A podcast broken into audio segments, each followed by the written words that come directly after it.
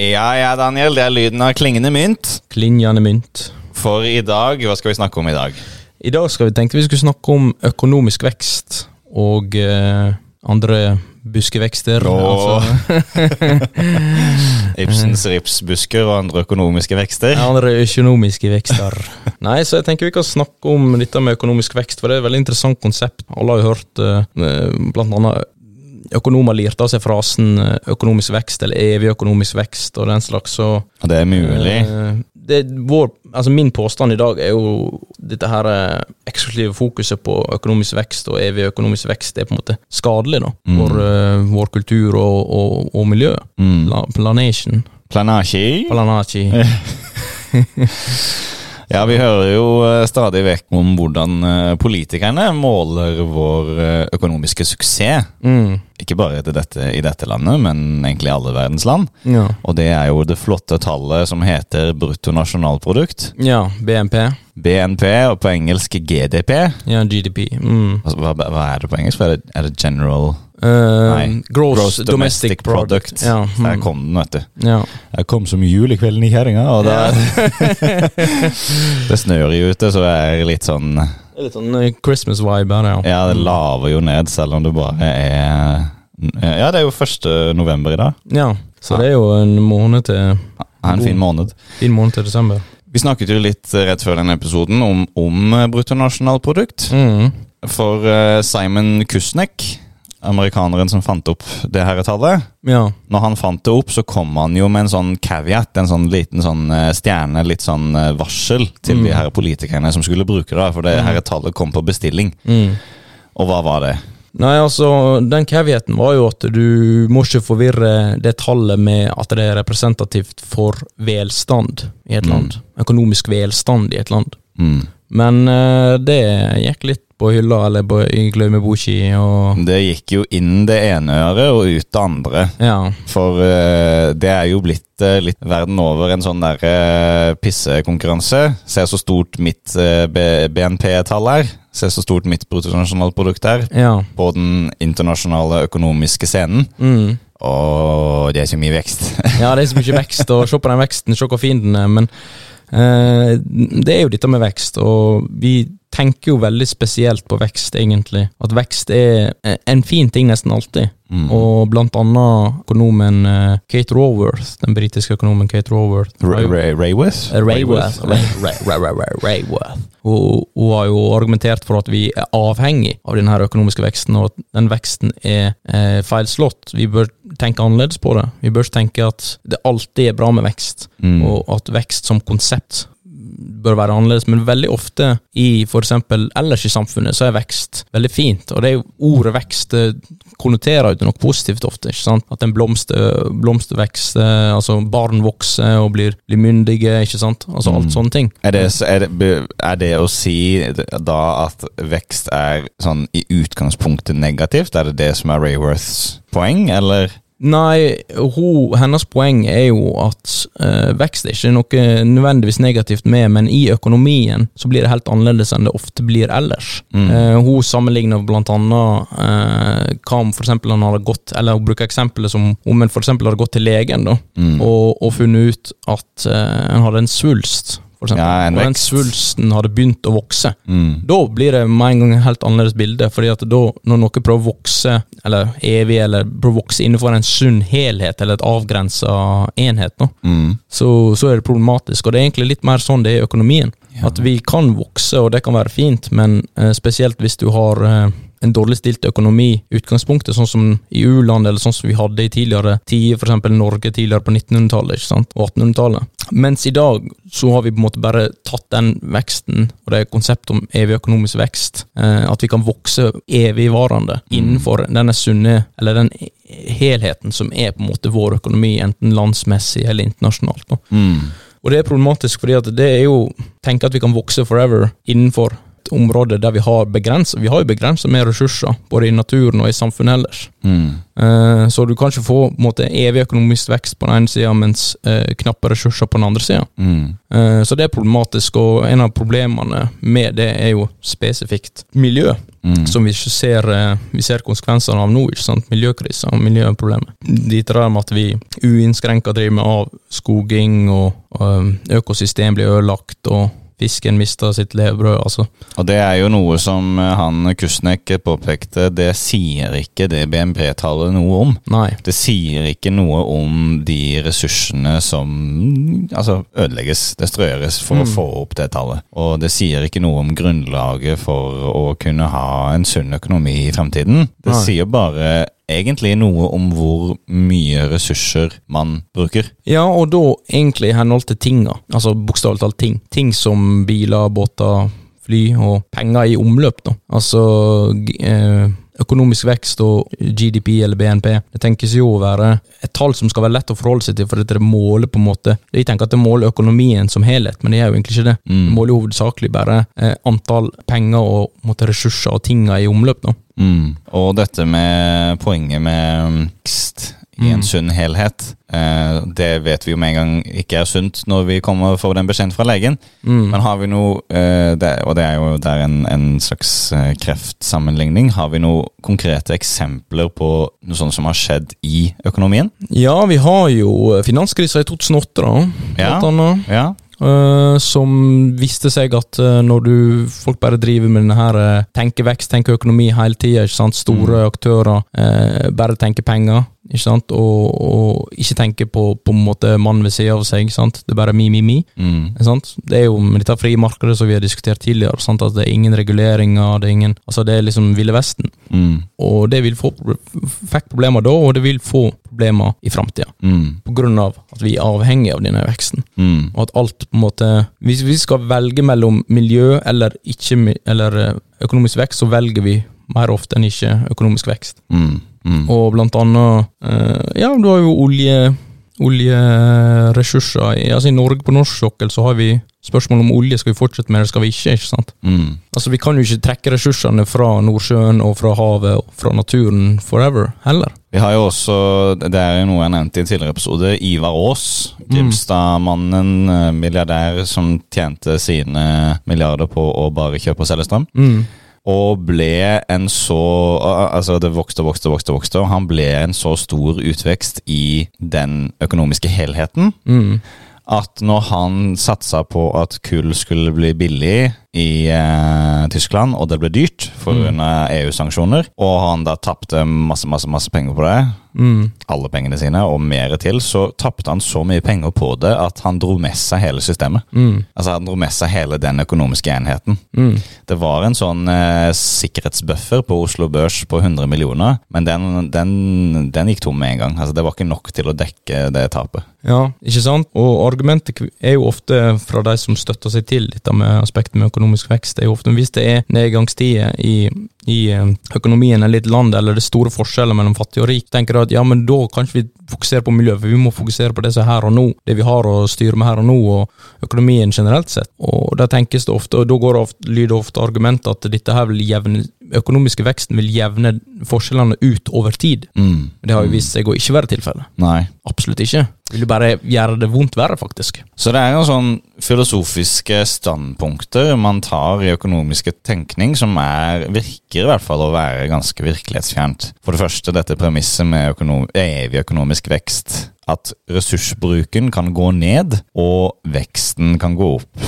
Ja. Det er jo veldig fascinerende. Ja, det er liksom Og også noe vi lærte i eh, spillteori, faget spillteori og filosofi, at nullsums Det er ikke alle økonomiske interaksjoner som er nullsumsspill. Altså at begge kan være vinnere, da. Det er jo også veldig, veldig interessant. At visse ressurser så kan begge stå igjen med gevinst. Det er jo litt spesielt. Altså, blant annet på en måte Marx argumenterte jo for at eh, kapitalismen liksom, ved å prioritere den her økonomiske veksten eh, bidro til liksom forfall av bidro til sånn overforbruk av ressurser. da Mm. og ødeleggelse av miljø, og det bidro egentlig ofte til at eh, mer og mer penger og kapital ble på en måte fordelt på færre og færre hender. Mm. Og det er jo egentlig noe som i moderne tid eh, den eh, franske kjente økonomen eh, Thomas Piketty har argumentert for. Han høres litt italiensk ut. Piketty! Piketty, ja. Han er vel, fra- jeg vet ikke om han er italiensk, men han er i hvert fall bosatt i Frankrike Ja. og den slags ting. Og han har jo skrevet mange bøker, annet Capital Ideology og Kapitalen i det 21. århundre. Og eh, den boka hans, Kapitalen i det 21. århundre, har jo blitt veldig kontroversiell, men der tar jo han til orde for egentlig mye av det samme, da. Eh, I hans eh, kjente formuleringer så har han matematiske eh, modellen R er større enn G. Altså veksten til den generelle kapitalen, kapitalveksten, vokser raskere enn den generelle veksten i økonomien. Mm. Og det vil bidra til mindre likhet på sikt. Mm. Og det er på en måte hans sin måte Han viser at det har vært tilfellet historisk, da. Mm. Og det betyr sånn i praktiske termer at altså kapital, eiendom, tar eksempel penger, Mm. vokser raskere enn liksom hele den økonomiske virksomheten. Mm. Så hvis du har 100 kroner i banken, Mm. Så vil du om ti år bare i kraft av hvordan det fungerer, ha mye mer penger enn en som hadde én krone i banken. Ja. Og de som hadde ingen kroner i banken, som da tar del i økonomien Mm. for å hente ut penger derfra ved å jobbe f.eks., de vil da ha minst. ja. Det er akkurat eksempelet med Altså Det er jo den klassiske eh, parolen eh, 'rich are getting richer, poor are getting poorer'. sant? Bare interessant at han liksom kan Han viser det med et teorem, da. Ja, han viser det med et teorem, og den boka er jo kontroversiell fordi at han, han tingliggjør økonomien litt mye. da. Egentlig så bør jo ikke boka hete 'Capital in the 21st Century', men det burde hete 'Wealth Mm. in the Mm. 21st Century'. For det er egentlig velstand han snakker om. Men ta oss nå tilbake til Rayworth. Hun her i Rivers. For det, ok, så hun sier at det er ikke nødvendigvis dårlig å ha økonomisk vekst, men det er måten vi tenker om det på. At vi tenker konstant vekst som er problemet. Ja, vi tenker det er kon kontinuerlig, at det er vedvarende, og at det er evigvarende. Sant? Men eh, selv om på en måte den der e tanken om evig er kanskje litt, litt borte, da, for vi må jo skjønne at vi kan ikke holde på forever, og, og i tillegg så ser vi konsekvensene av miljøet. Men hun, hennes modell er jo hun utvikla jo egentlig flere modeller, generelt sett. Hun ville jo at vi skulle revurdere hvordan vi tenker om økonomi som fagfelt. Mm. Fordi at mange av modellene mener jo hun er utdaterte. Mm. Sant? Hun argumenterer for sånn re redistributive Hva heter det? Redistributive design? Ja, i, At gjenfordelende design, altså Ja, gjenfordeling. Og så unngår denne her eh, skjevfordeling av ressurser og kapital. da. Ja. Men den mest kjente modellen hennes som gjennomsyrer boka hennes, er jo den uh, donor theory of economics. Okay. Altså det vil si, uh, på norsk blir jo en smultringmodell. Som hun Altså det er jo egentlig en, en eh, økonomisk modell som hun, hun har vært med på å utvikle, som har Altså det er forma som en smultring, sant? men der inne i midten der det er ingenting. Der er økonomisk deprivasjon, og der er liksom Det er fattigdom. fattigdom og elendighet. Og så er det på en måte kjøttet da, i midten, og så er det helt øverst så er det økologiske taket. Ja. Så Du kan ikke strekke det lenger. Så det er begrensninger i denne modellen. da. Så det er der vi kan liksom leve og gå. da. Så i midten der har vi, der har vi fattigdom. Det er jo liksom Det er på en måte det økonomisk vekst skal bekjempe Ja. i utgangspunktet, og det gjør den jo. Ja. I u-land og sånn så er det jo økonomisk vekst som står på agendaen, og det med rette. Mm. Hun sier vel også kanskje at det var et prosjekt for det 20. århundre, altså det forrige århundre. Ja, eh, når vi trengte økonomisk vekst, så var Mm. det. Men nå, nå har vi liksom skutt veldig over mål, da. Ja.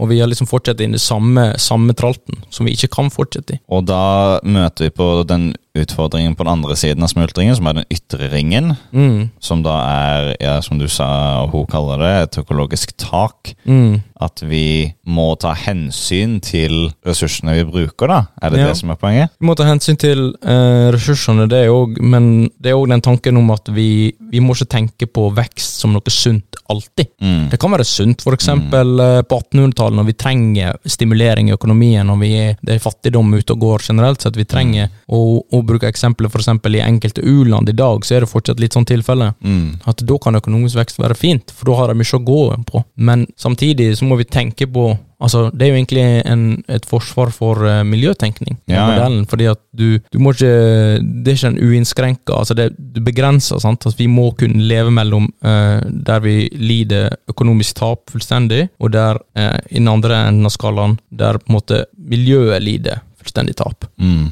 Sant? Jeg så nylig Man of Steel. Ja. Der forteller de jo at Krypton, Supermanns hjemplanet, Mm. Eh, den gikk jo dukken fordi at eh, i søken etter energi så begynte kryptonene å utvinne planetens kjerne for Ja. energi. Og så imploderte den, rett og slett. Den kollapsa. ja, ikke sant? Det er jo sånn superhøyteknologisk samfunn, men det er jo et uh, poeng uh, som er illustrert veldig konkret og veldig fysisk, at jo, det er faktisk en, en hard grense for hva du kan utvinne, og det er stabilt. Mm. Det er, det, er, det er litt som en kreft, egentlig. Du begynner å spise av seg selv, Mm. og så ødelegger den det fundamentet den er selv er bygd på. Ja, den ødelegger den, den sunne, avgrensa helheten. Den er liksom en trussel for helheten, helsen, når den prøver å vokse uinnskrenka. sant? Og det er jo det samme med økonomien. Det er trussel for helhetens helse, ikke bare i henhold til miljøet, men òg det aspektet med skjev fordeling av ressurser, som Piketty og Marx, og, og til og med på norsk sokkel Arne Næss har argumentert for. Ja, Ja, ja. han snakker om det samme med overforbruk og ressursintensive operasjoner på økonomien. Det er skadelig, ikke sant? Mm. Som vi tok for oss i en tidligere episode, ikke sant? så var jo han en forkjemper for miljøet. Men det er mange måter å tenke på, og mange mener jo da, blant annet, til og med i dag i partiet, ikke sant. Skal du ta en, eh, en sånn her eh, test for å finne ut hvilke parti som passer for deg, så er jo ofte spørsmåla litt sånn miljø- eller økonomiaktig. Mm. sant? Skal vi, ut, Mm. skal vi bygge den brua, skal vi utvinne det? Skal vi gjøre slik? Skal, hva skal vi gjøre med oljen? Hva ville du gjort? Hva tenker du? Og så Spørsmålet du svarer, vil jo tilby hvorvidt du havner på Frp eller Rødt Mm. eller Miljøpartiet. ikke sant? Og Mange mener jo at Miljøpartiet neglisjerer økonom, økonomien til fordel for miljøet. Mm. Og andre mener jo at partiene neglisjerer miljøet til fordel for økonomien. Så det er jo vel en sånn eh, motstridelse der. Og Kate Raworth, hun, den smultringsmodellen, den, den er ment å symbolisere, da, eh, eller representere, at det, det beste vi trenger, er en slags balanse.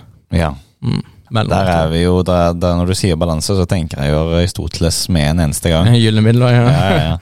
ja. det er litt Aristoteles på det viset. Mm. Og det er jo et spørsmål om, eh, om terskler her. Ja.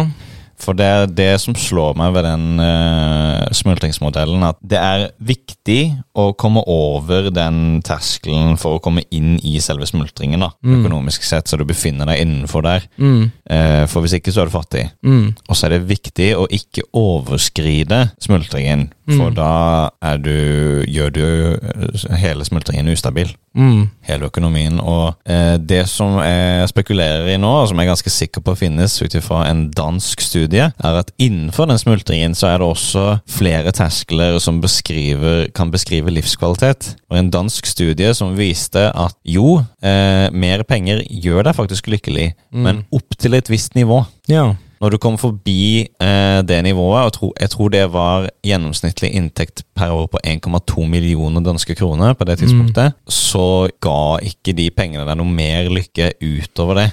Ja, en sånn logaritmisk vekst på, um, på opplegget, da. Det er jo en kjent sak at det, det, det, eh, hva skal jeg si, det stabiliserer seg på ett nivå. Det går opp til ett nivå, og så blir det der. Ja, ja. Og eh, det, det gir jo veldig mye mening, sånn rent intuitivt, syns jeg, Mm. bare ved bruk av sunn fornuft. For man, man, altså man vil jo gjerne ha da, et, et hus og eh, kanskje en bil. eh, og muligheten til å reise på ferie. Man vil ha noe å rutte med, men det er ikke slik at å eie et helikopter kommer til å gjøre en fullkommen.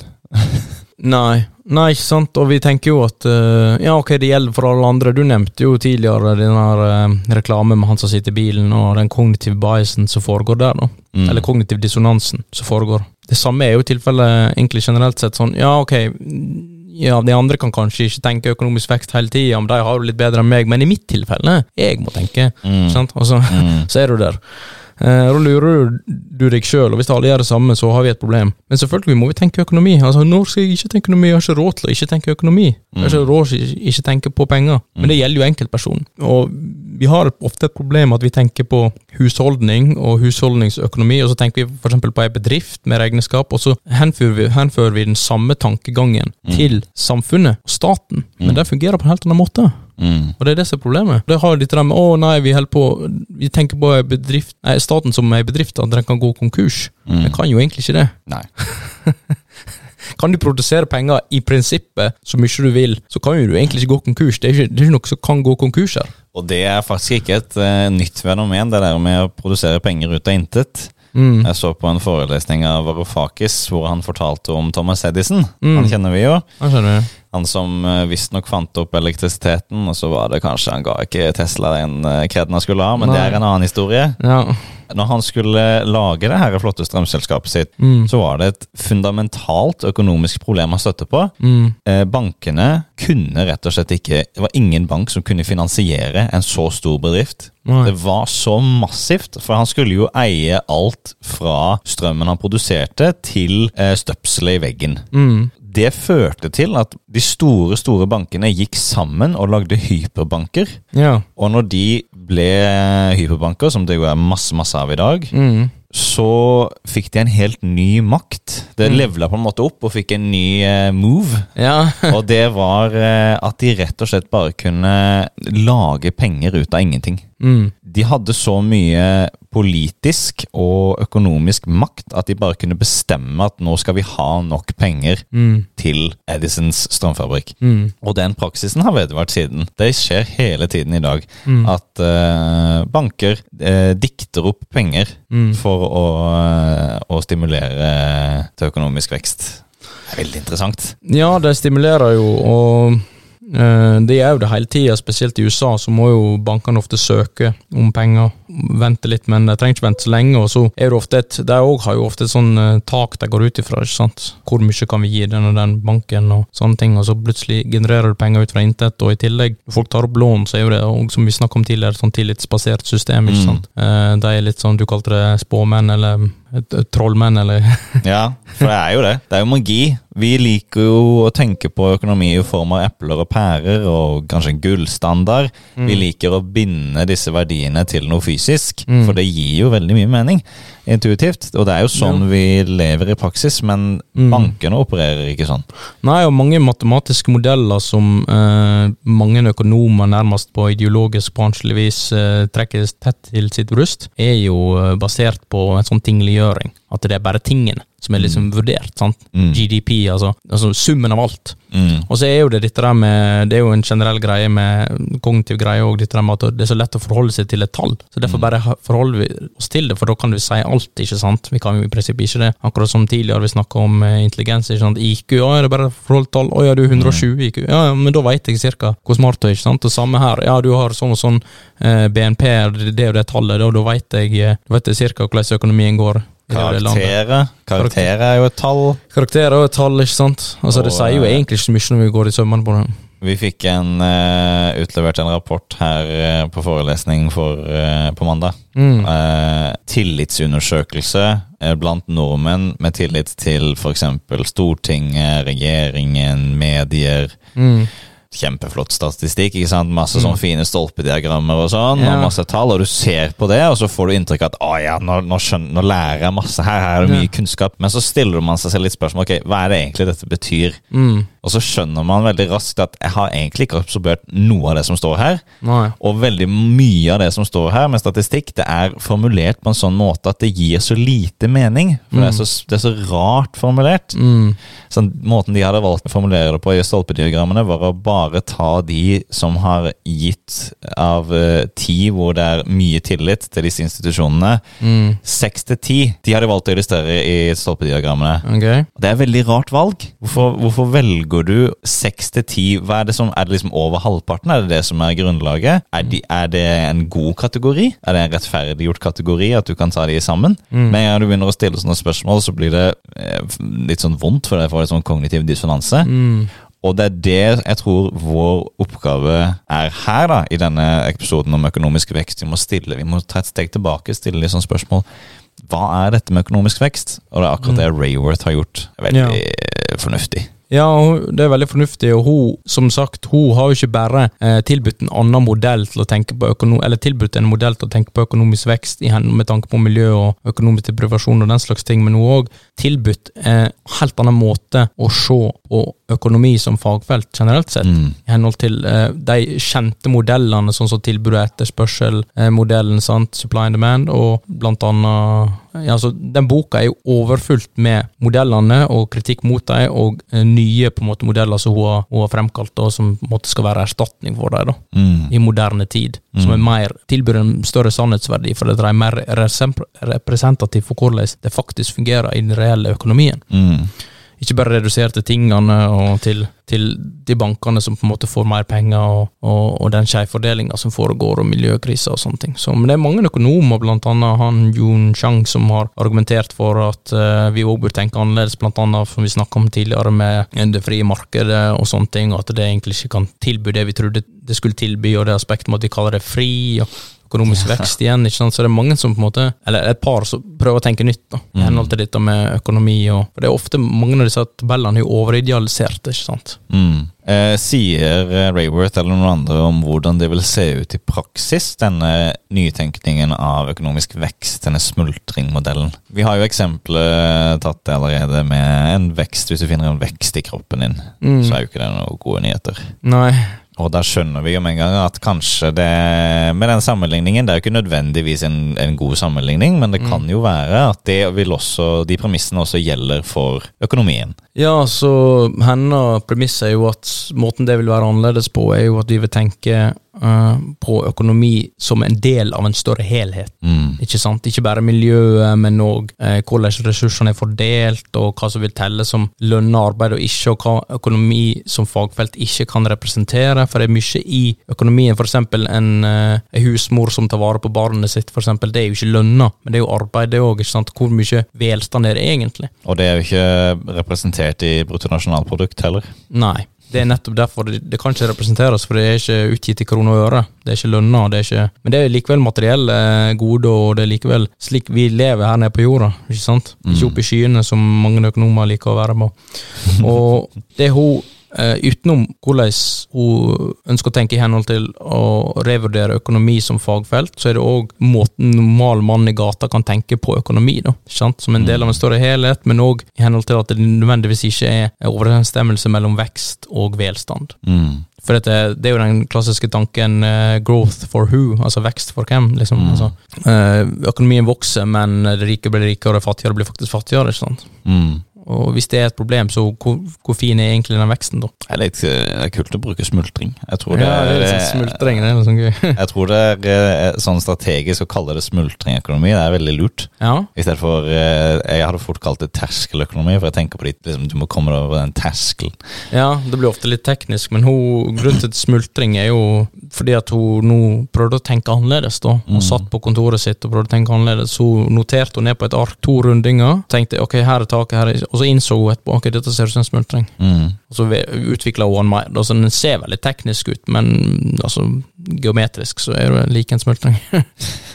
så det er litt morsomt. Uh, og den har jo blitt ganske populær i seinere tider. Når var det hun kom ut med den her?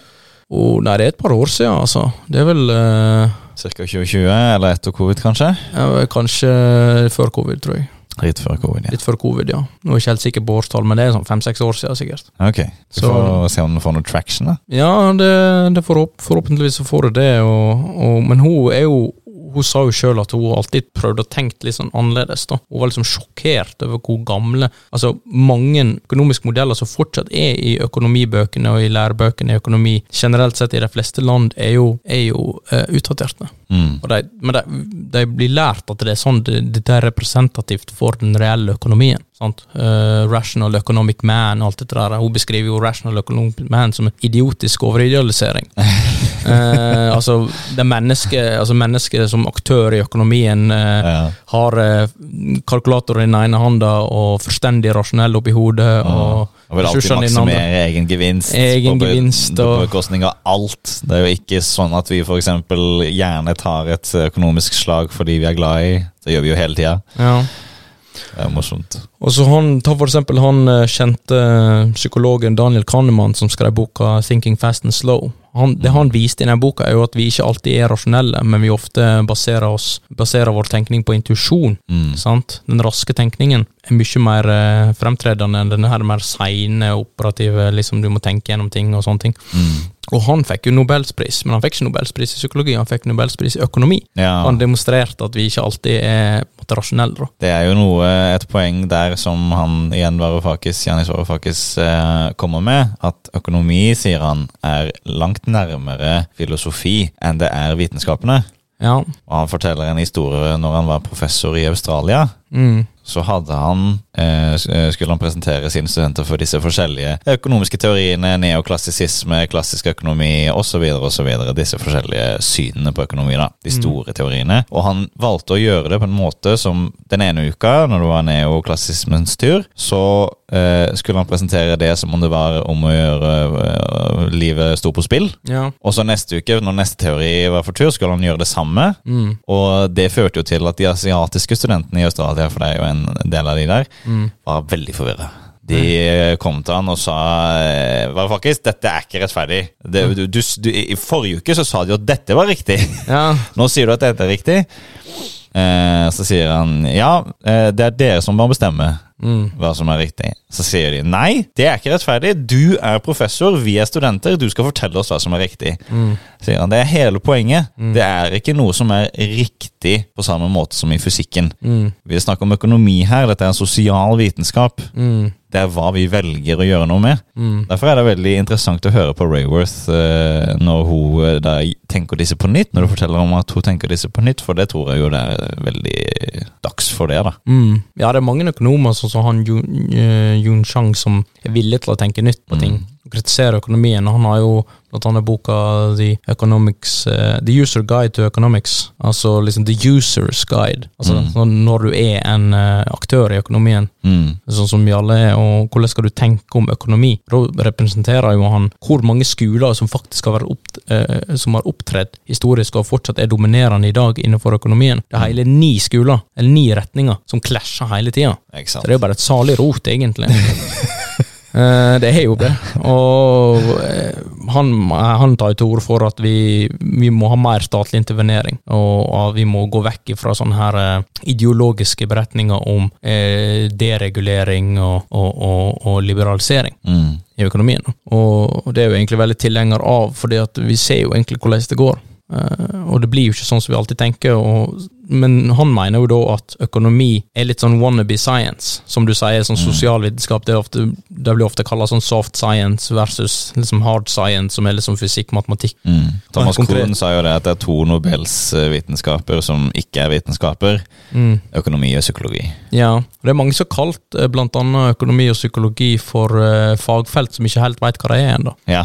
uh, og det er veldig riktig, da. Psykologi er jo en sak for seg, men, men spesielt økonomi Han, han Xu Yang beskriver det som at, de, at økonomi hviler mellom en plass mellom ideologi og vitenskap. Mm. Men det er ikke verken eller. Mm. Av og til så opptrer det litt ideologisk, av og til opptrer det litt vitenskapelig. De er jo veldig glad i, i å bruke matematikk. Mm. De har litt sånn barnslig tro på at de matematiske modellene de har, skal være representative og tilby noe, men som eh, blant annet, som vi sa, Kate uh, Raworth har vist, så er jo ikke det helt riktig. Og er uh, kul å der Kate, altså. Er, uh, det, jeg, jeg vil faktisk gå så langt som å si, Mm. dette må du si om du er enig eller uenig, at det er et gullegg fra Gullgåsa Guro. Denne, Ja. denne donuten, denne smultringen som hun kommer med. Ja. Altså, Det er, det, er, ikke- det er ikke bare liksom Gullsmultring. Ja. med sånn gullglasur. eh, ja, det er sikkert godt. det. Eh, det er ikke bare det at hun har eh, den teorien, det er jo gøy med teorier selvfølgelig for nerder som oss, men Mm. det at hun har presentert det som en smultring, Mm. jeg syns det er veldig kult. Ja, det er morsomt at det er en smultring. Og... Men hun representerer oss i boka, som sagt, det er jo alle disse kjente modellene tilbyr jo alternativ til. Mm. Det handler ikke bare om miljø, men mange økonomer tenker jo ofte nå mer på miljø. I hvert fall de som er ikke er redd for å tenke annerledes og alternative, de tenker jo mer på miljø, sant? for de ser jo liksom innvirkningen av det, at vi kan ikke bare tenke økonomi, økonomi fremfor alt. Mm. Økonomi, økonomer prøver jo ofte å være De, de har jo liksom en sånn idealstreben at de skal være nøytrale. sant? De skal være nøkterne og nøytrale, de skal bare forholde seg til hva som er, og liksom vurdere det deskriptivt. Det er ingen normative føringer.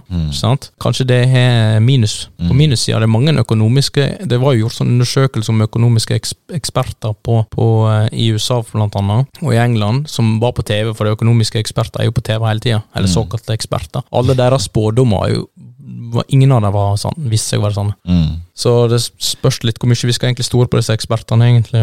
Det er også en eh, Akkurat den kommentaren gir folkens også. Det er ingen økonom eller noen som har eh, gitt en systematisk, konsis Mm. forutsigelse av når det vil være f.eks. økonomiske kriser. mm, Det er bare den eneste spådommen som har vist seg å være sann. Den er så vag at det gir ikke noe mening, og det, er, eh, det kommer til å være en økonomisk krise et sted en gang. ja.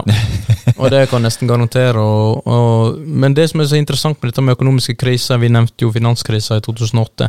Er- Ikke lenge før finanskrisa så, så sa jo en del økonomer ute i media at nå har vi endelig oppnådd den her eh, gullhår Goldilocks zone. Ja, vi kan ja. ha økonomisk vekst uten frykt for nedgang. Vi endelig oppnår den her eh, balansen. Og så rett etterpå buff, Ja, sant? Så smeller det noe så voldsomt. Så nå, nå har det nesten gått i motsatt ende. Nå er det sånn, ok, vi kommer til å få økonomisk krise. Men de, spår det rett, rett rundt hjørnet hele tida. Sånn, ok, ja, vi fikk ikke dette året, som jeg sa, men neste år Ja, ja. Da vil jeg Så noen spår jo blant annet eh, 2024 vil bli, noen andre sier 2025, andre sier 2026. Mange sa 2023. Ja. Det har ikke skjedd ennå, i hvert fall. Til deres forsvar så så det litt ille ut, selvfølgelig, med covid-åra og alt dette der. Ja. Det som er verdt å merke seg, i covid-åra så var jo det ikke mye økonomisk vekst, i hvert fall når vi hadde lockdown på internasjonalt plan. De rike ble jo fortsatt mye betraktelig rikere, spesielt i USA. Det er jo betimelig at det går an å bli rikere når altså faktisk hele verden sitter hjemme Ja, og ser på TV. Sitter, sitter hjemme og tutler på. Ja. Eh, sant? Tutla på tunet med kykling i hånda. sant? Så det Gull, gåse og smultring i. Eh, Nei, Ja. det, det er jo egentlig et nøtteskall så er jo det eh, Det er jo sånn økonomien tenderer mot. Altså Vi har snakket om kapitalismen og kritisert den i hytte og gevær. Den, den tendensen den har, den har innebygd krise. Mm. Det er én ting. Det har vi på en måte vist. Det har til og med Marx sagt, og han har jo til og med spådd at det vil bære krise i framtida. I tillegg har vi eh, aspektet med, med at økonomien tenderer mot mindre og mindre likhet. Mindre og mindre Mm. eh, mer og mer selvfordeling av ressurser. At, eh, at eh, kapital eh, går, blir fordelt på færre og færre hender. Dette med kriser og eh, sammenligningen som Rayworth tar med svulster, eller utvekster, Mm. eller vekster, den er veldig fin, for den gir plutselig en sånn konkret kontekstualisering til disse økonomiske krisene. For det snakkes jo veldig ofte om bobler. Ja. Bobler sprakk. Mm. Bobla sprakk. Ja. Det er så rart. Da ser jeg for meg en sånn såpeboble som sprekker. Ok, hvorfor Ja. er det farlig? ja. Eh, Men når det kommer Når det er snakk om en svulst, og den vokser og vokser, og vokser, så er det jo klart Mm. at før eller siden så vil jo den helheten som er nær av den svulsten, Mm. ikke kunne bære ja. den svulsten lenger. Ja, du tenker på annet dotcom-bobla og slike ting? Ja, fra 99, ja, og det var jo eh, eh, Var det ikke en sånn housing bubble som sprakk? Eh, husboble som sprakk i 2008, hvor eh, amerikanske banker spesielt hadde lånt penger til veldig mange folk for å kjøpe hus som de egentlig ikke kunne betale for.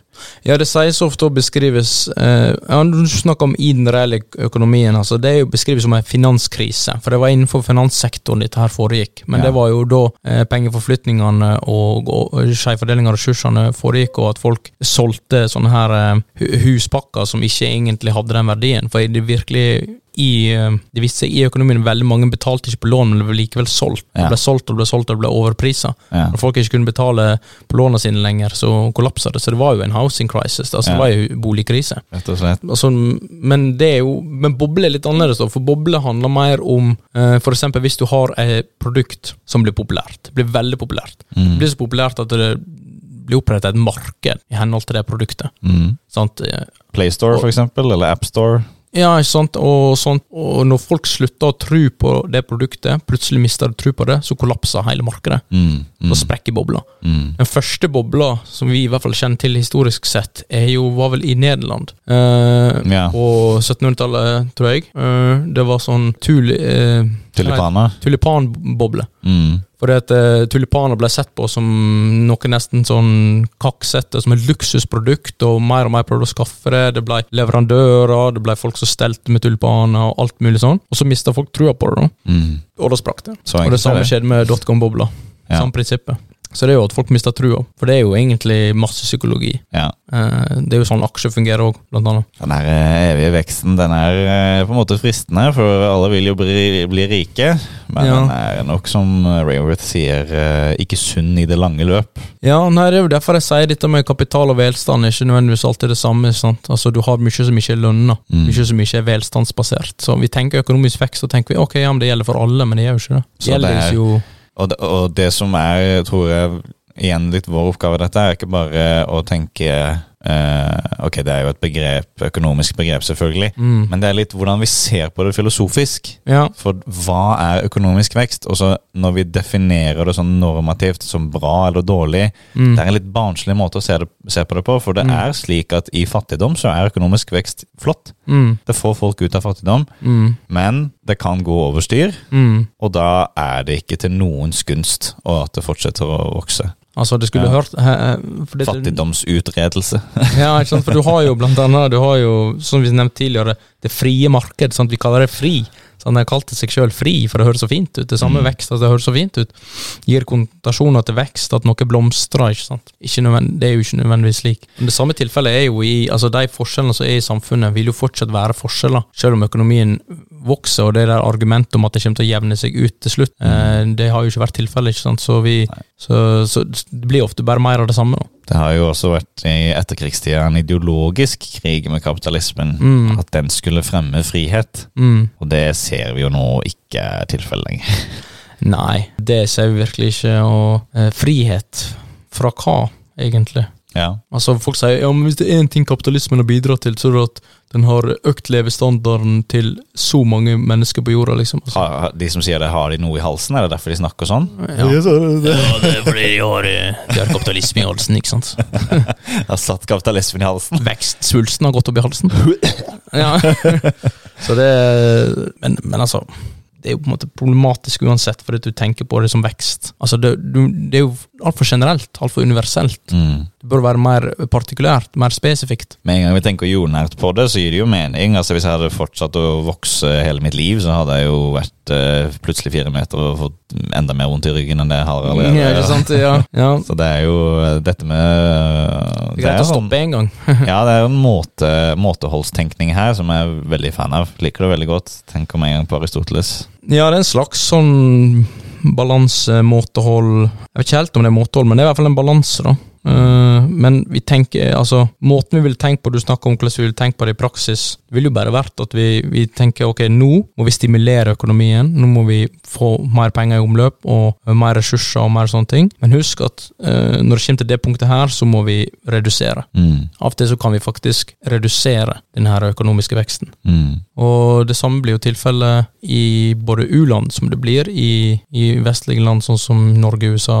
Samme prinsipp gjelder på en måte over hele fjøla. Mm. Det er sånn du bør tenke på vekst. Selv om du trenger vekst, enkelte land trenger veldig mye vekst, så betyr ikke at du ikke kan tenke på andre ting. Mm. Så det er en del, det er veldig sånn holistisk tilnærming til det. da. Mm. Sånn Du tenker på det som en del av en mye større helhet. Men det er jo det er jo også kritikk med vår tid at vi tenker altfor mye økonomi. Ja. Karl Marx han er jo blitt kritisert for at han reduserte alt til eh, økonomiske eh, forhold, økonomiske insentiver og sånne ting, men det, han gjorde jo egentlig ikke det. Han Mm. beskrev et kapitalistisk system som reduserer det til økonomi. Så det er det, det, er det hans uh, spil er, da. Og det her med underskudd, det er jo ikke en ny tankegang. Nei. Den eh, økonomiske veksten som hele Vesten, inkludert Japan, opplevde i etterkrigstida etter Roosevelts New Deal, Mm. var jo basert på at USA skulle være en overskuddsøkonomi, og Europa og Japan skulle være en underskuddsøkonomi. Mm. Og USA skulle resirkulere det overskuddet i Europa og Japan. Mm. Og sånn fungerte det i en sirkel, og det fungerte kjempebra. Mm. Helt til europeerne bestemte seg for at nå vil vi være overskuddsøkonomi også, så kollapsa hele greia, så ble vi kastet ut av dollarsonen. Men det,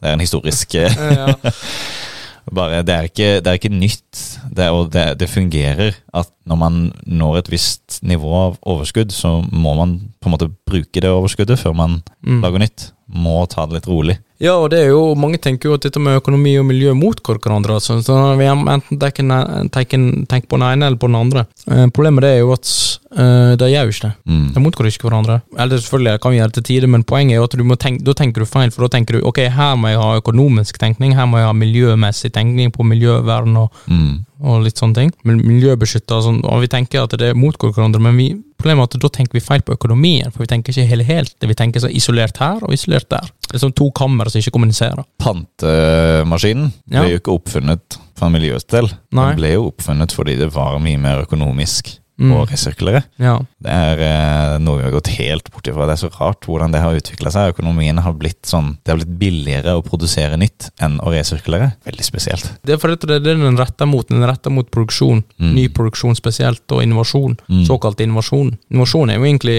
Koker det ned, så er det bare nytenkning og nyskapning. Men eh, da har vi smultringen som vi tar med oss. Ja. Da har vi kanskje sagt Glasur. Ja. Jeg har til og med glasur på topp hi. Topi. Har vi fått snakket eh, det, sagt det vi vil si nå om økonomisk vekst, Daniel? Ja, i hvert fall satt noe av det, men altså det kan jo være viktig å påpeke at uh, hvis vi skal på en måte ta for oss alle aspekter ved et økonomisk vekst, så må vi egentlig sitte her til i morgen, men jeg tenker i hvert fall at dette her kan jo være en, uh, good start. Ja. Så en god måte å tenke, et steg i riktig retning nå.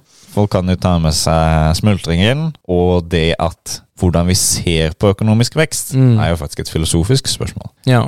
Er det bra, er det dårlig? Er det Mm. bra noen ganger, er det dårlig noen ganger? Ja, som sagt, eh, økonomien prøver jo å være en eh, nøytral eh, såkalt vitenskap.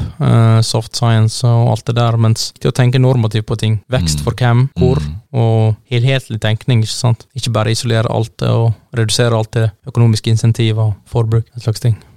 Og med det så sier vi takk for at du, kjære lytter, har lyttet til denne episoden om økonomisk vekst. Smultring! Hvordan føler du det gikk, Daniel? Nei, det er greit. Ja. Eh, Det, Har du lyst på smultring nå? jeg har litt lyst på smultring nå, med sånn gullglasur og ah, ja. slike ting. Det har jeg så lyst på. Ja. Mitt navn er Pål. Hei, Daniel, vet du. Tusen, tusen takk for at du har lyttet, og velkommen igjen. Snakkes. Feel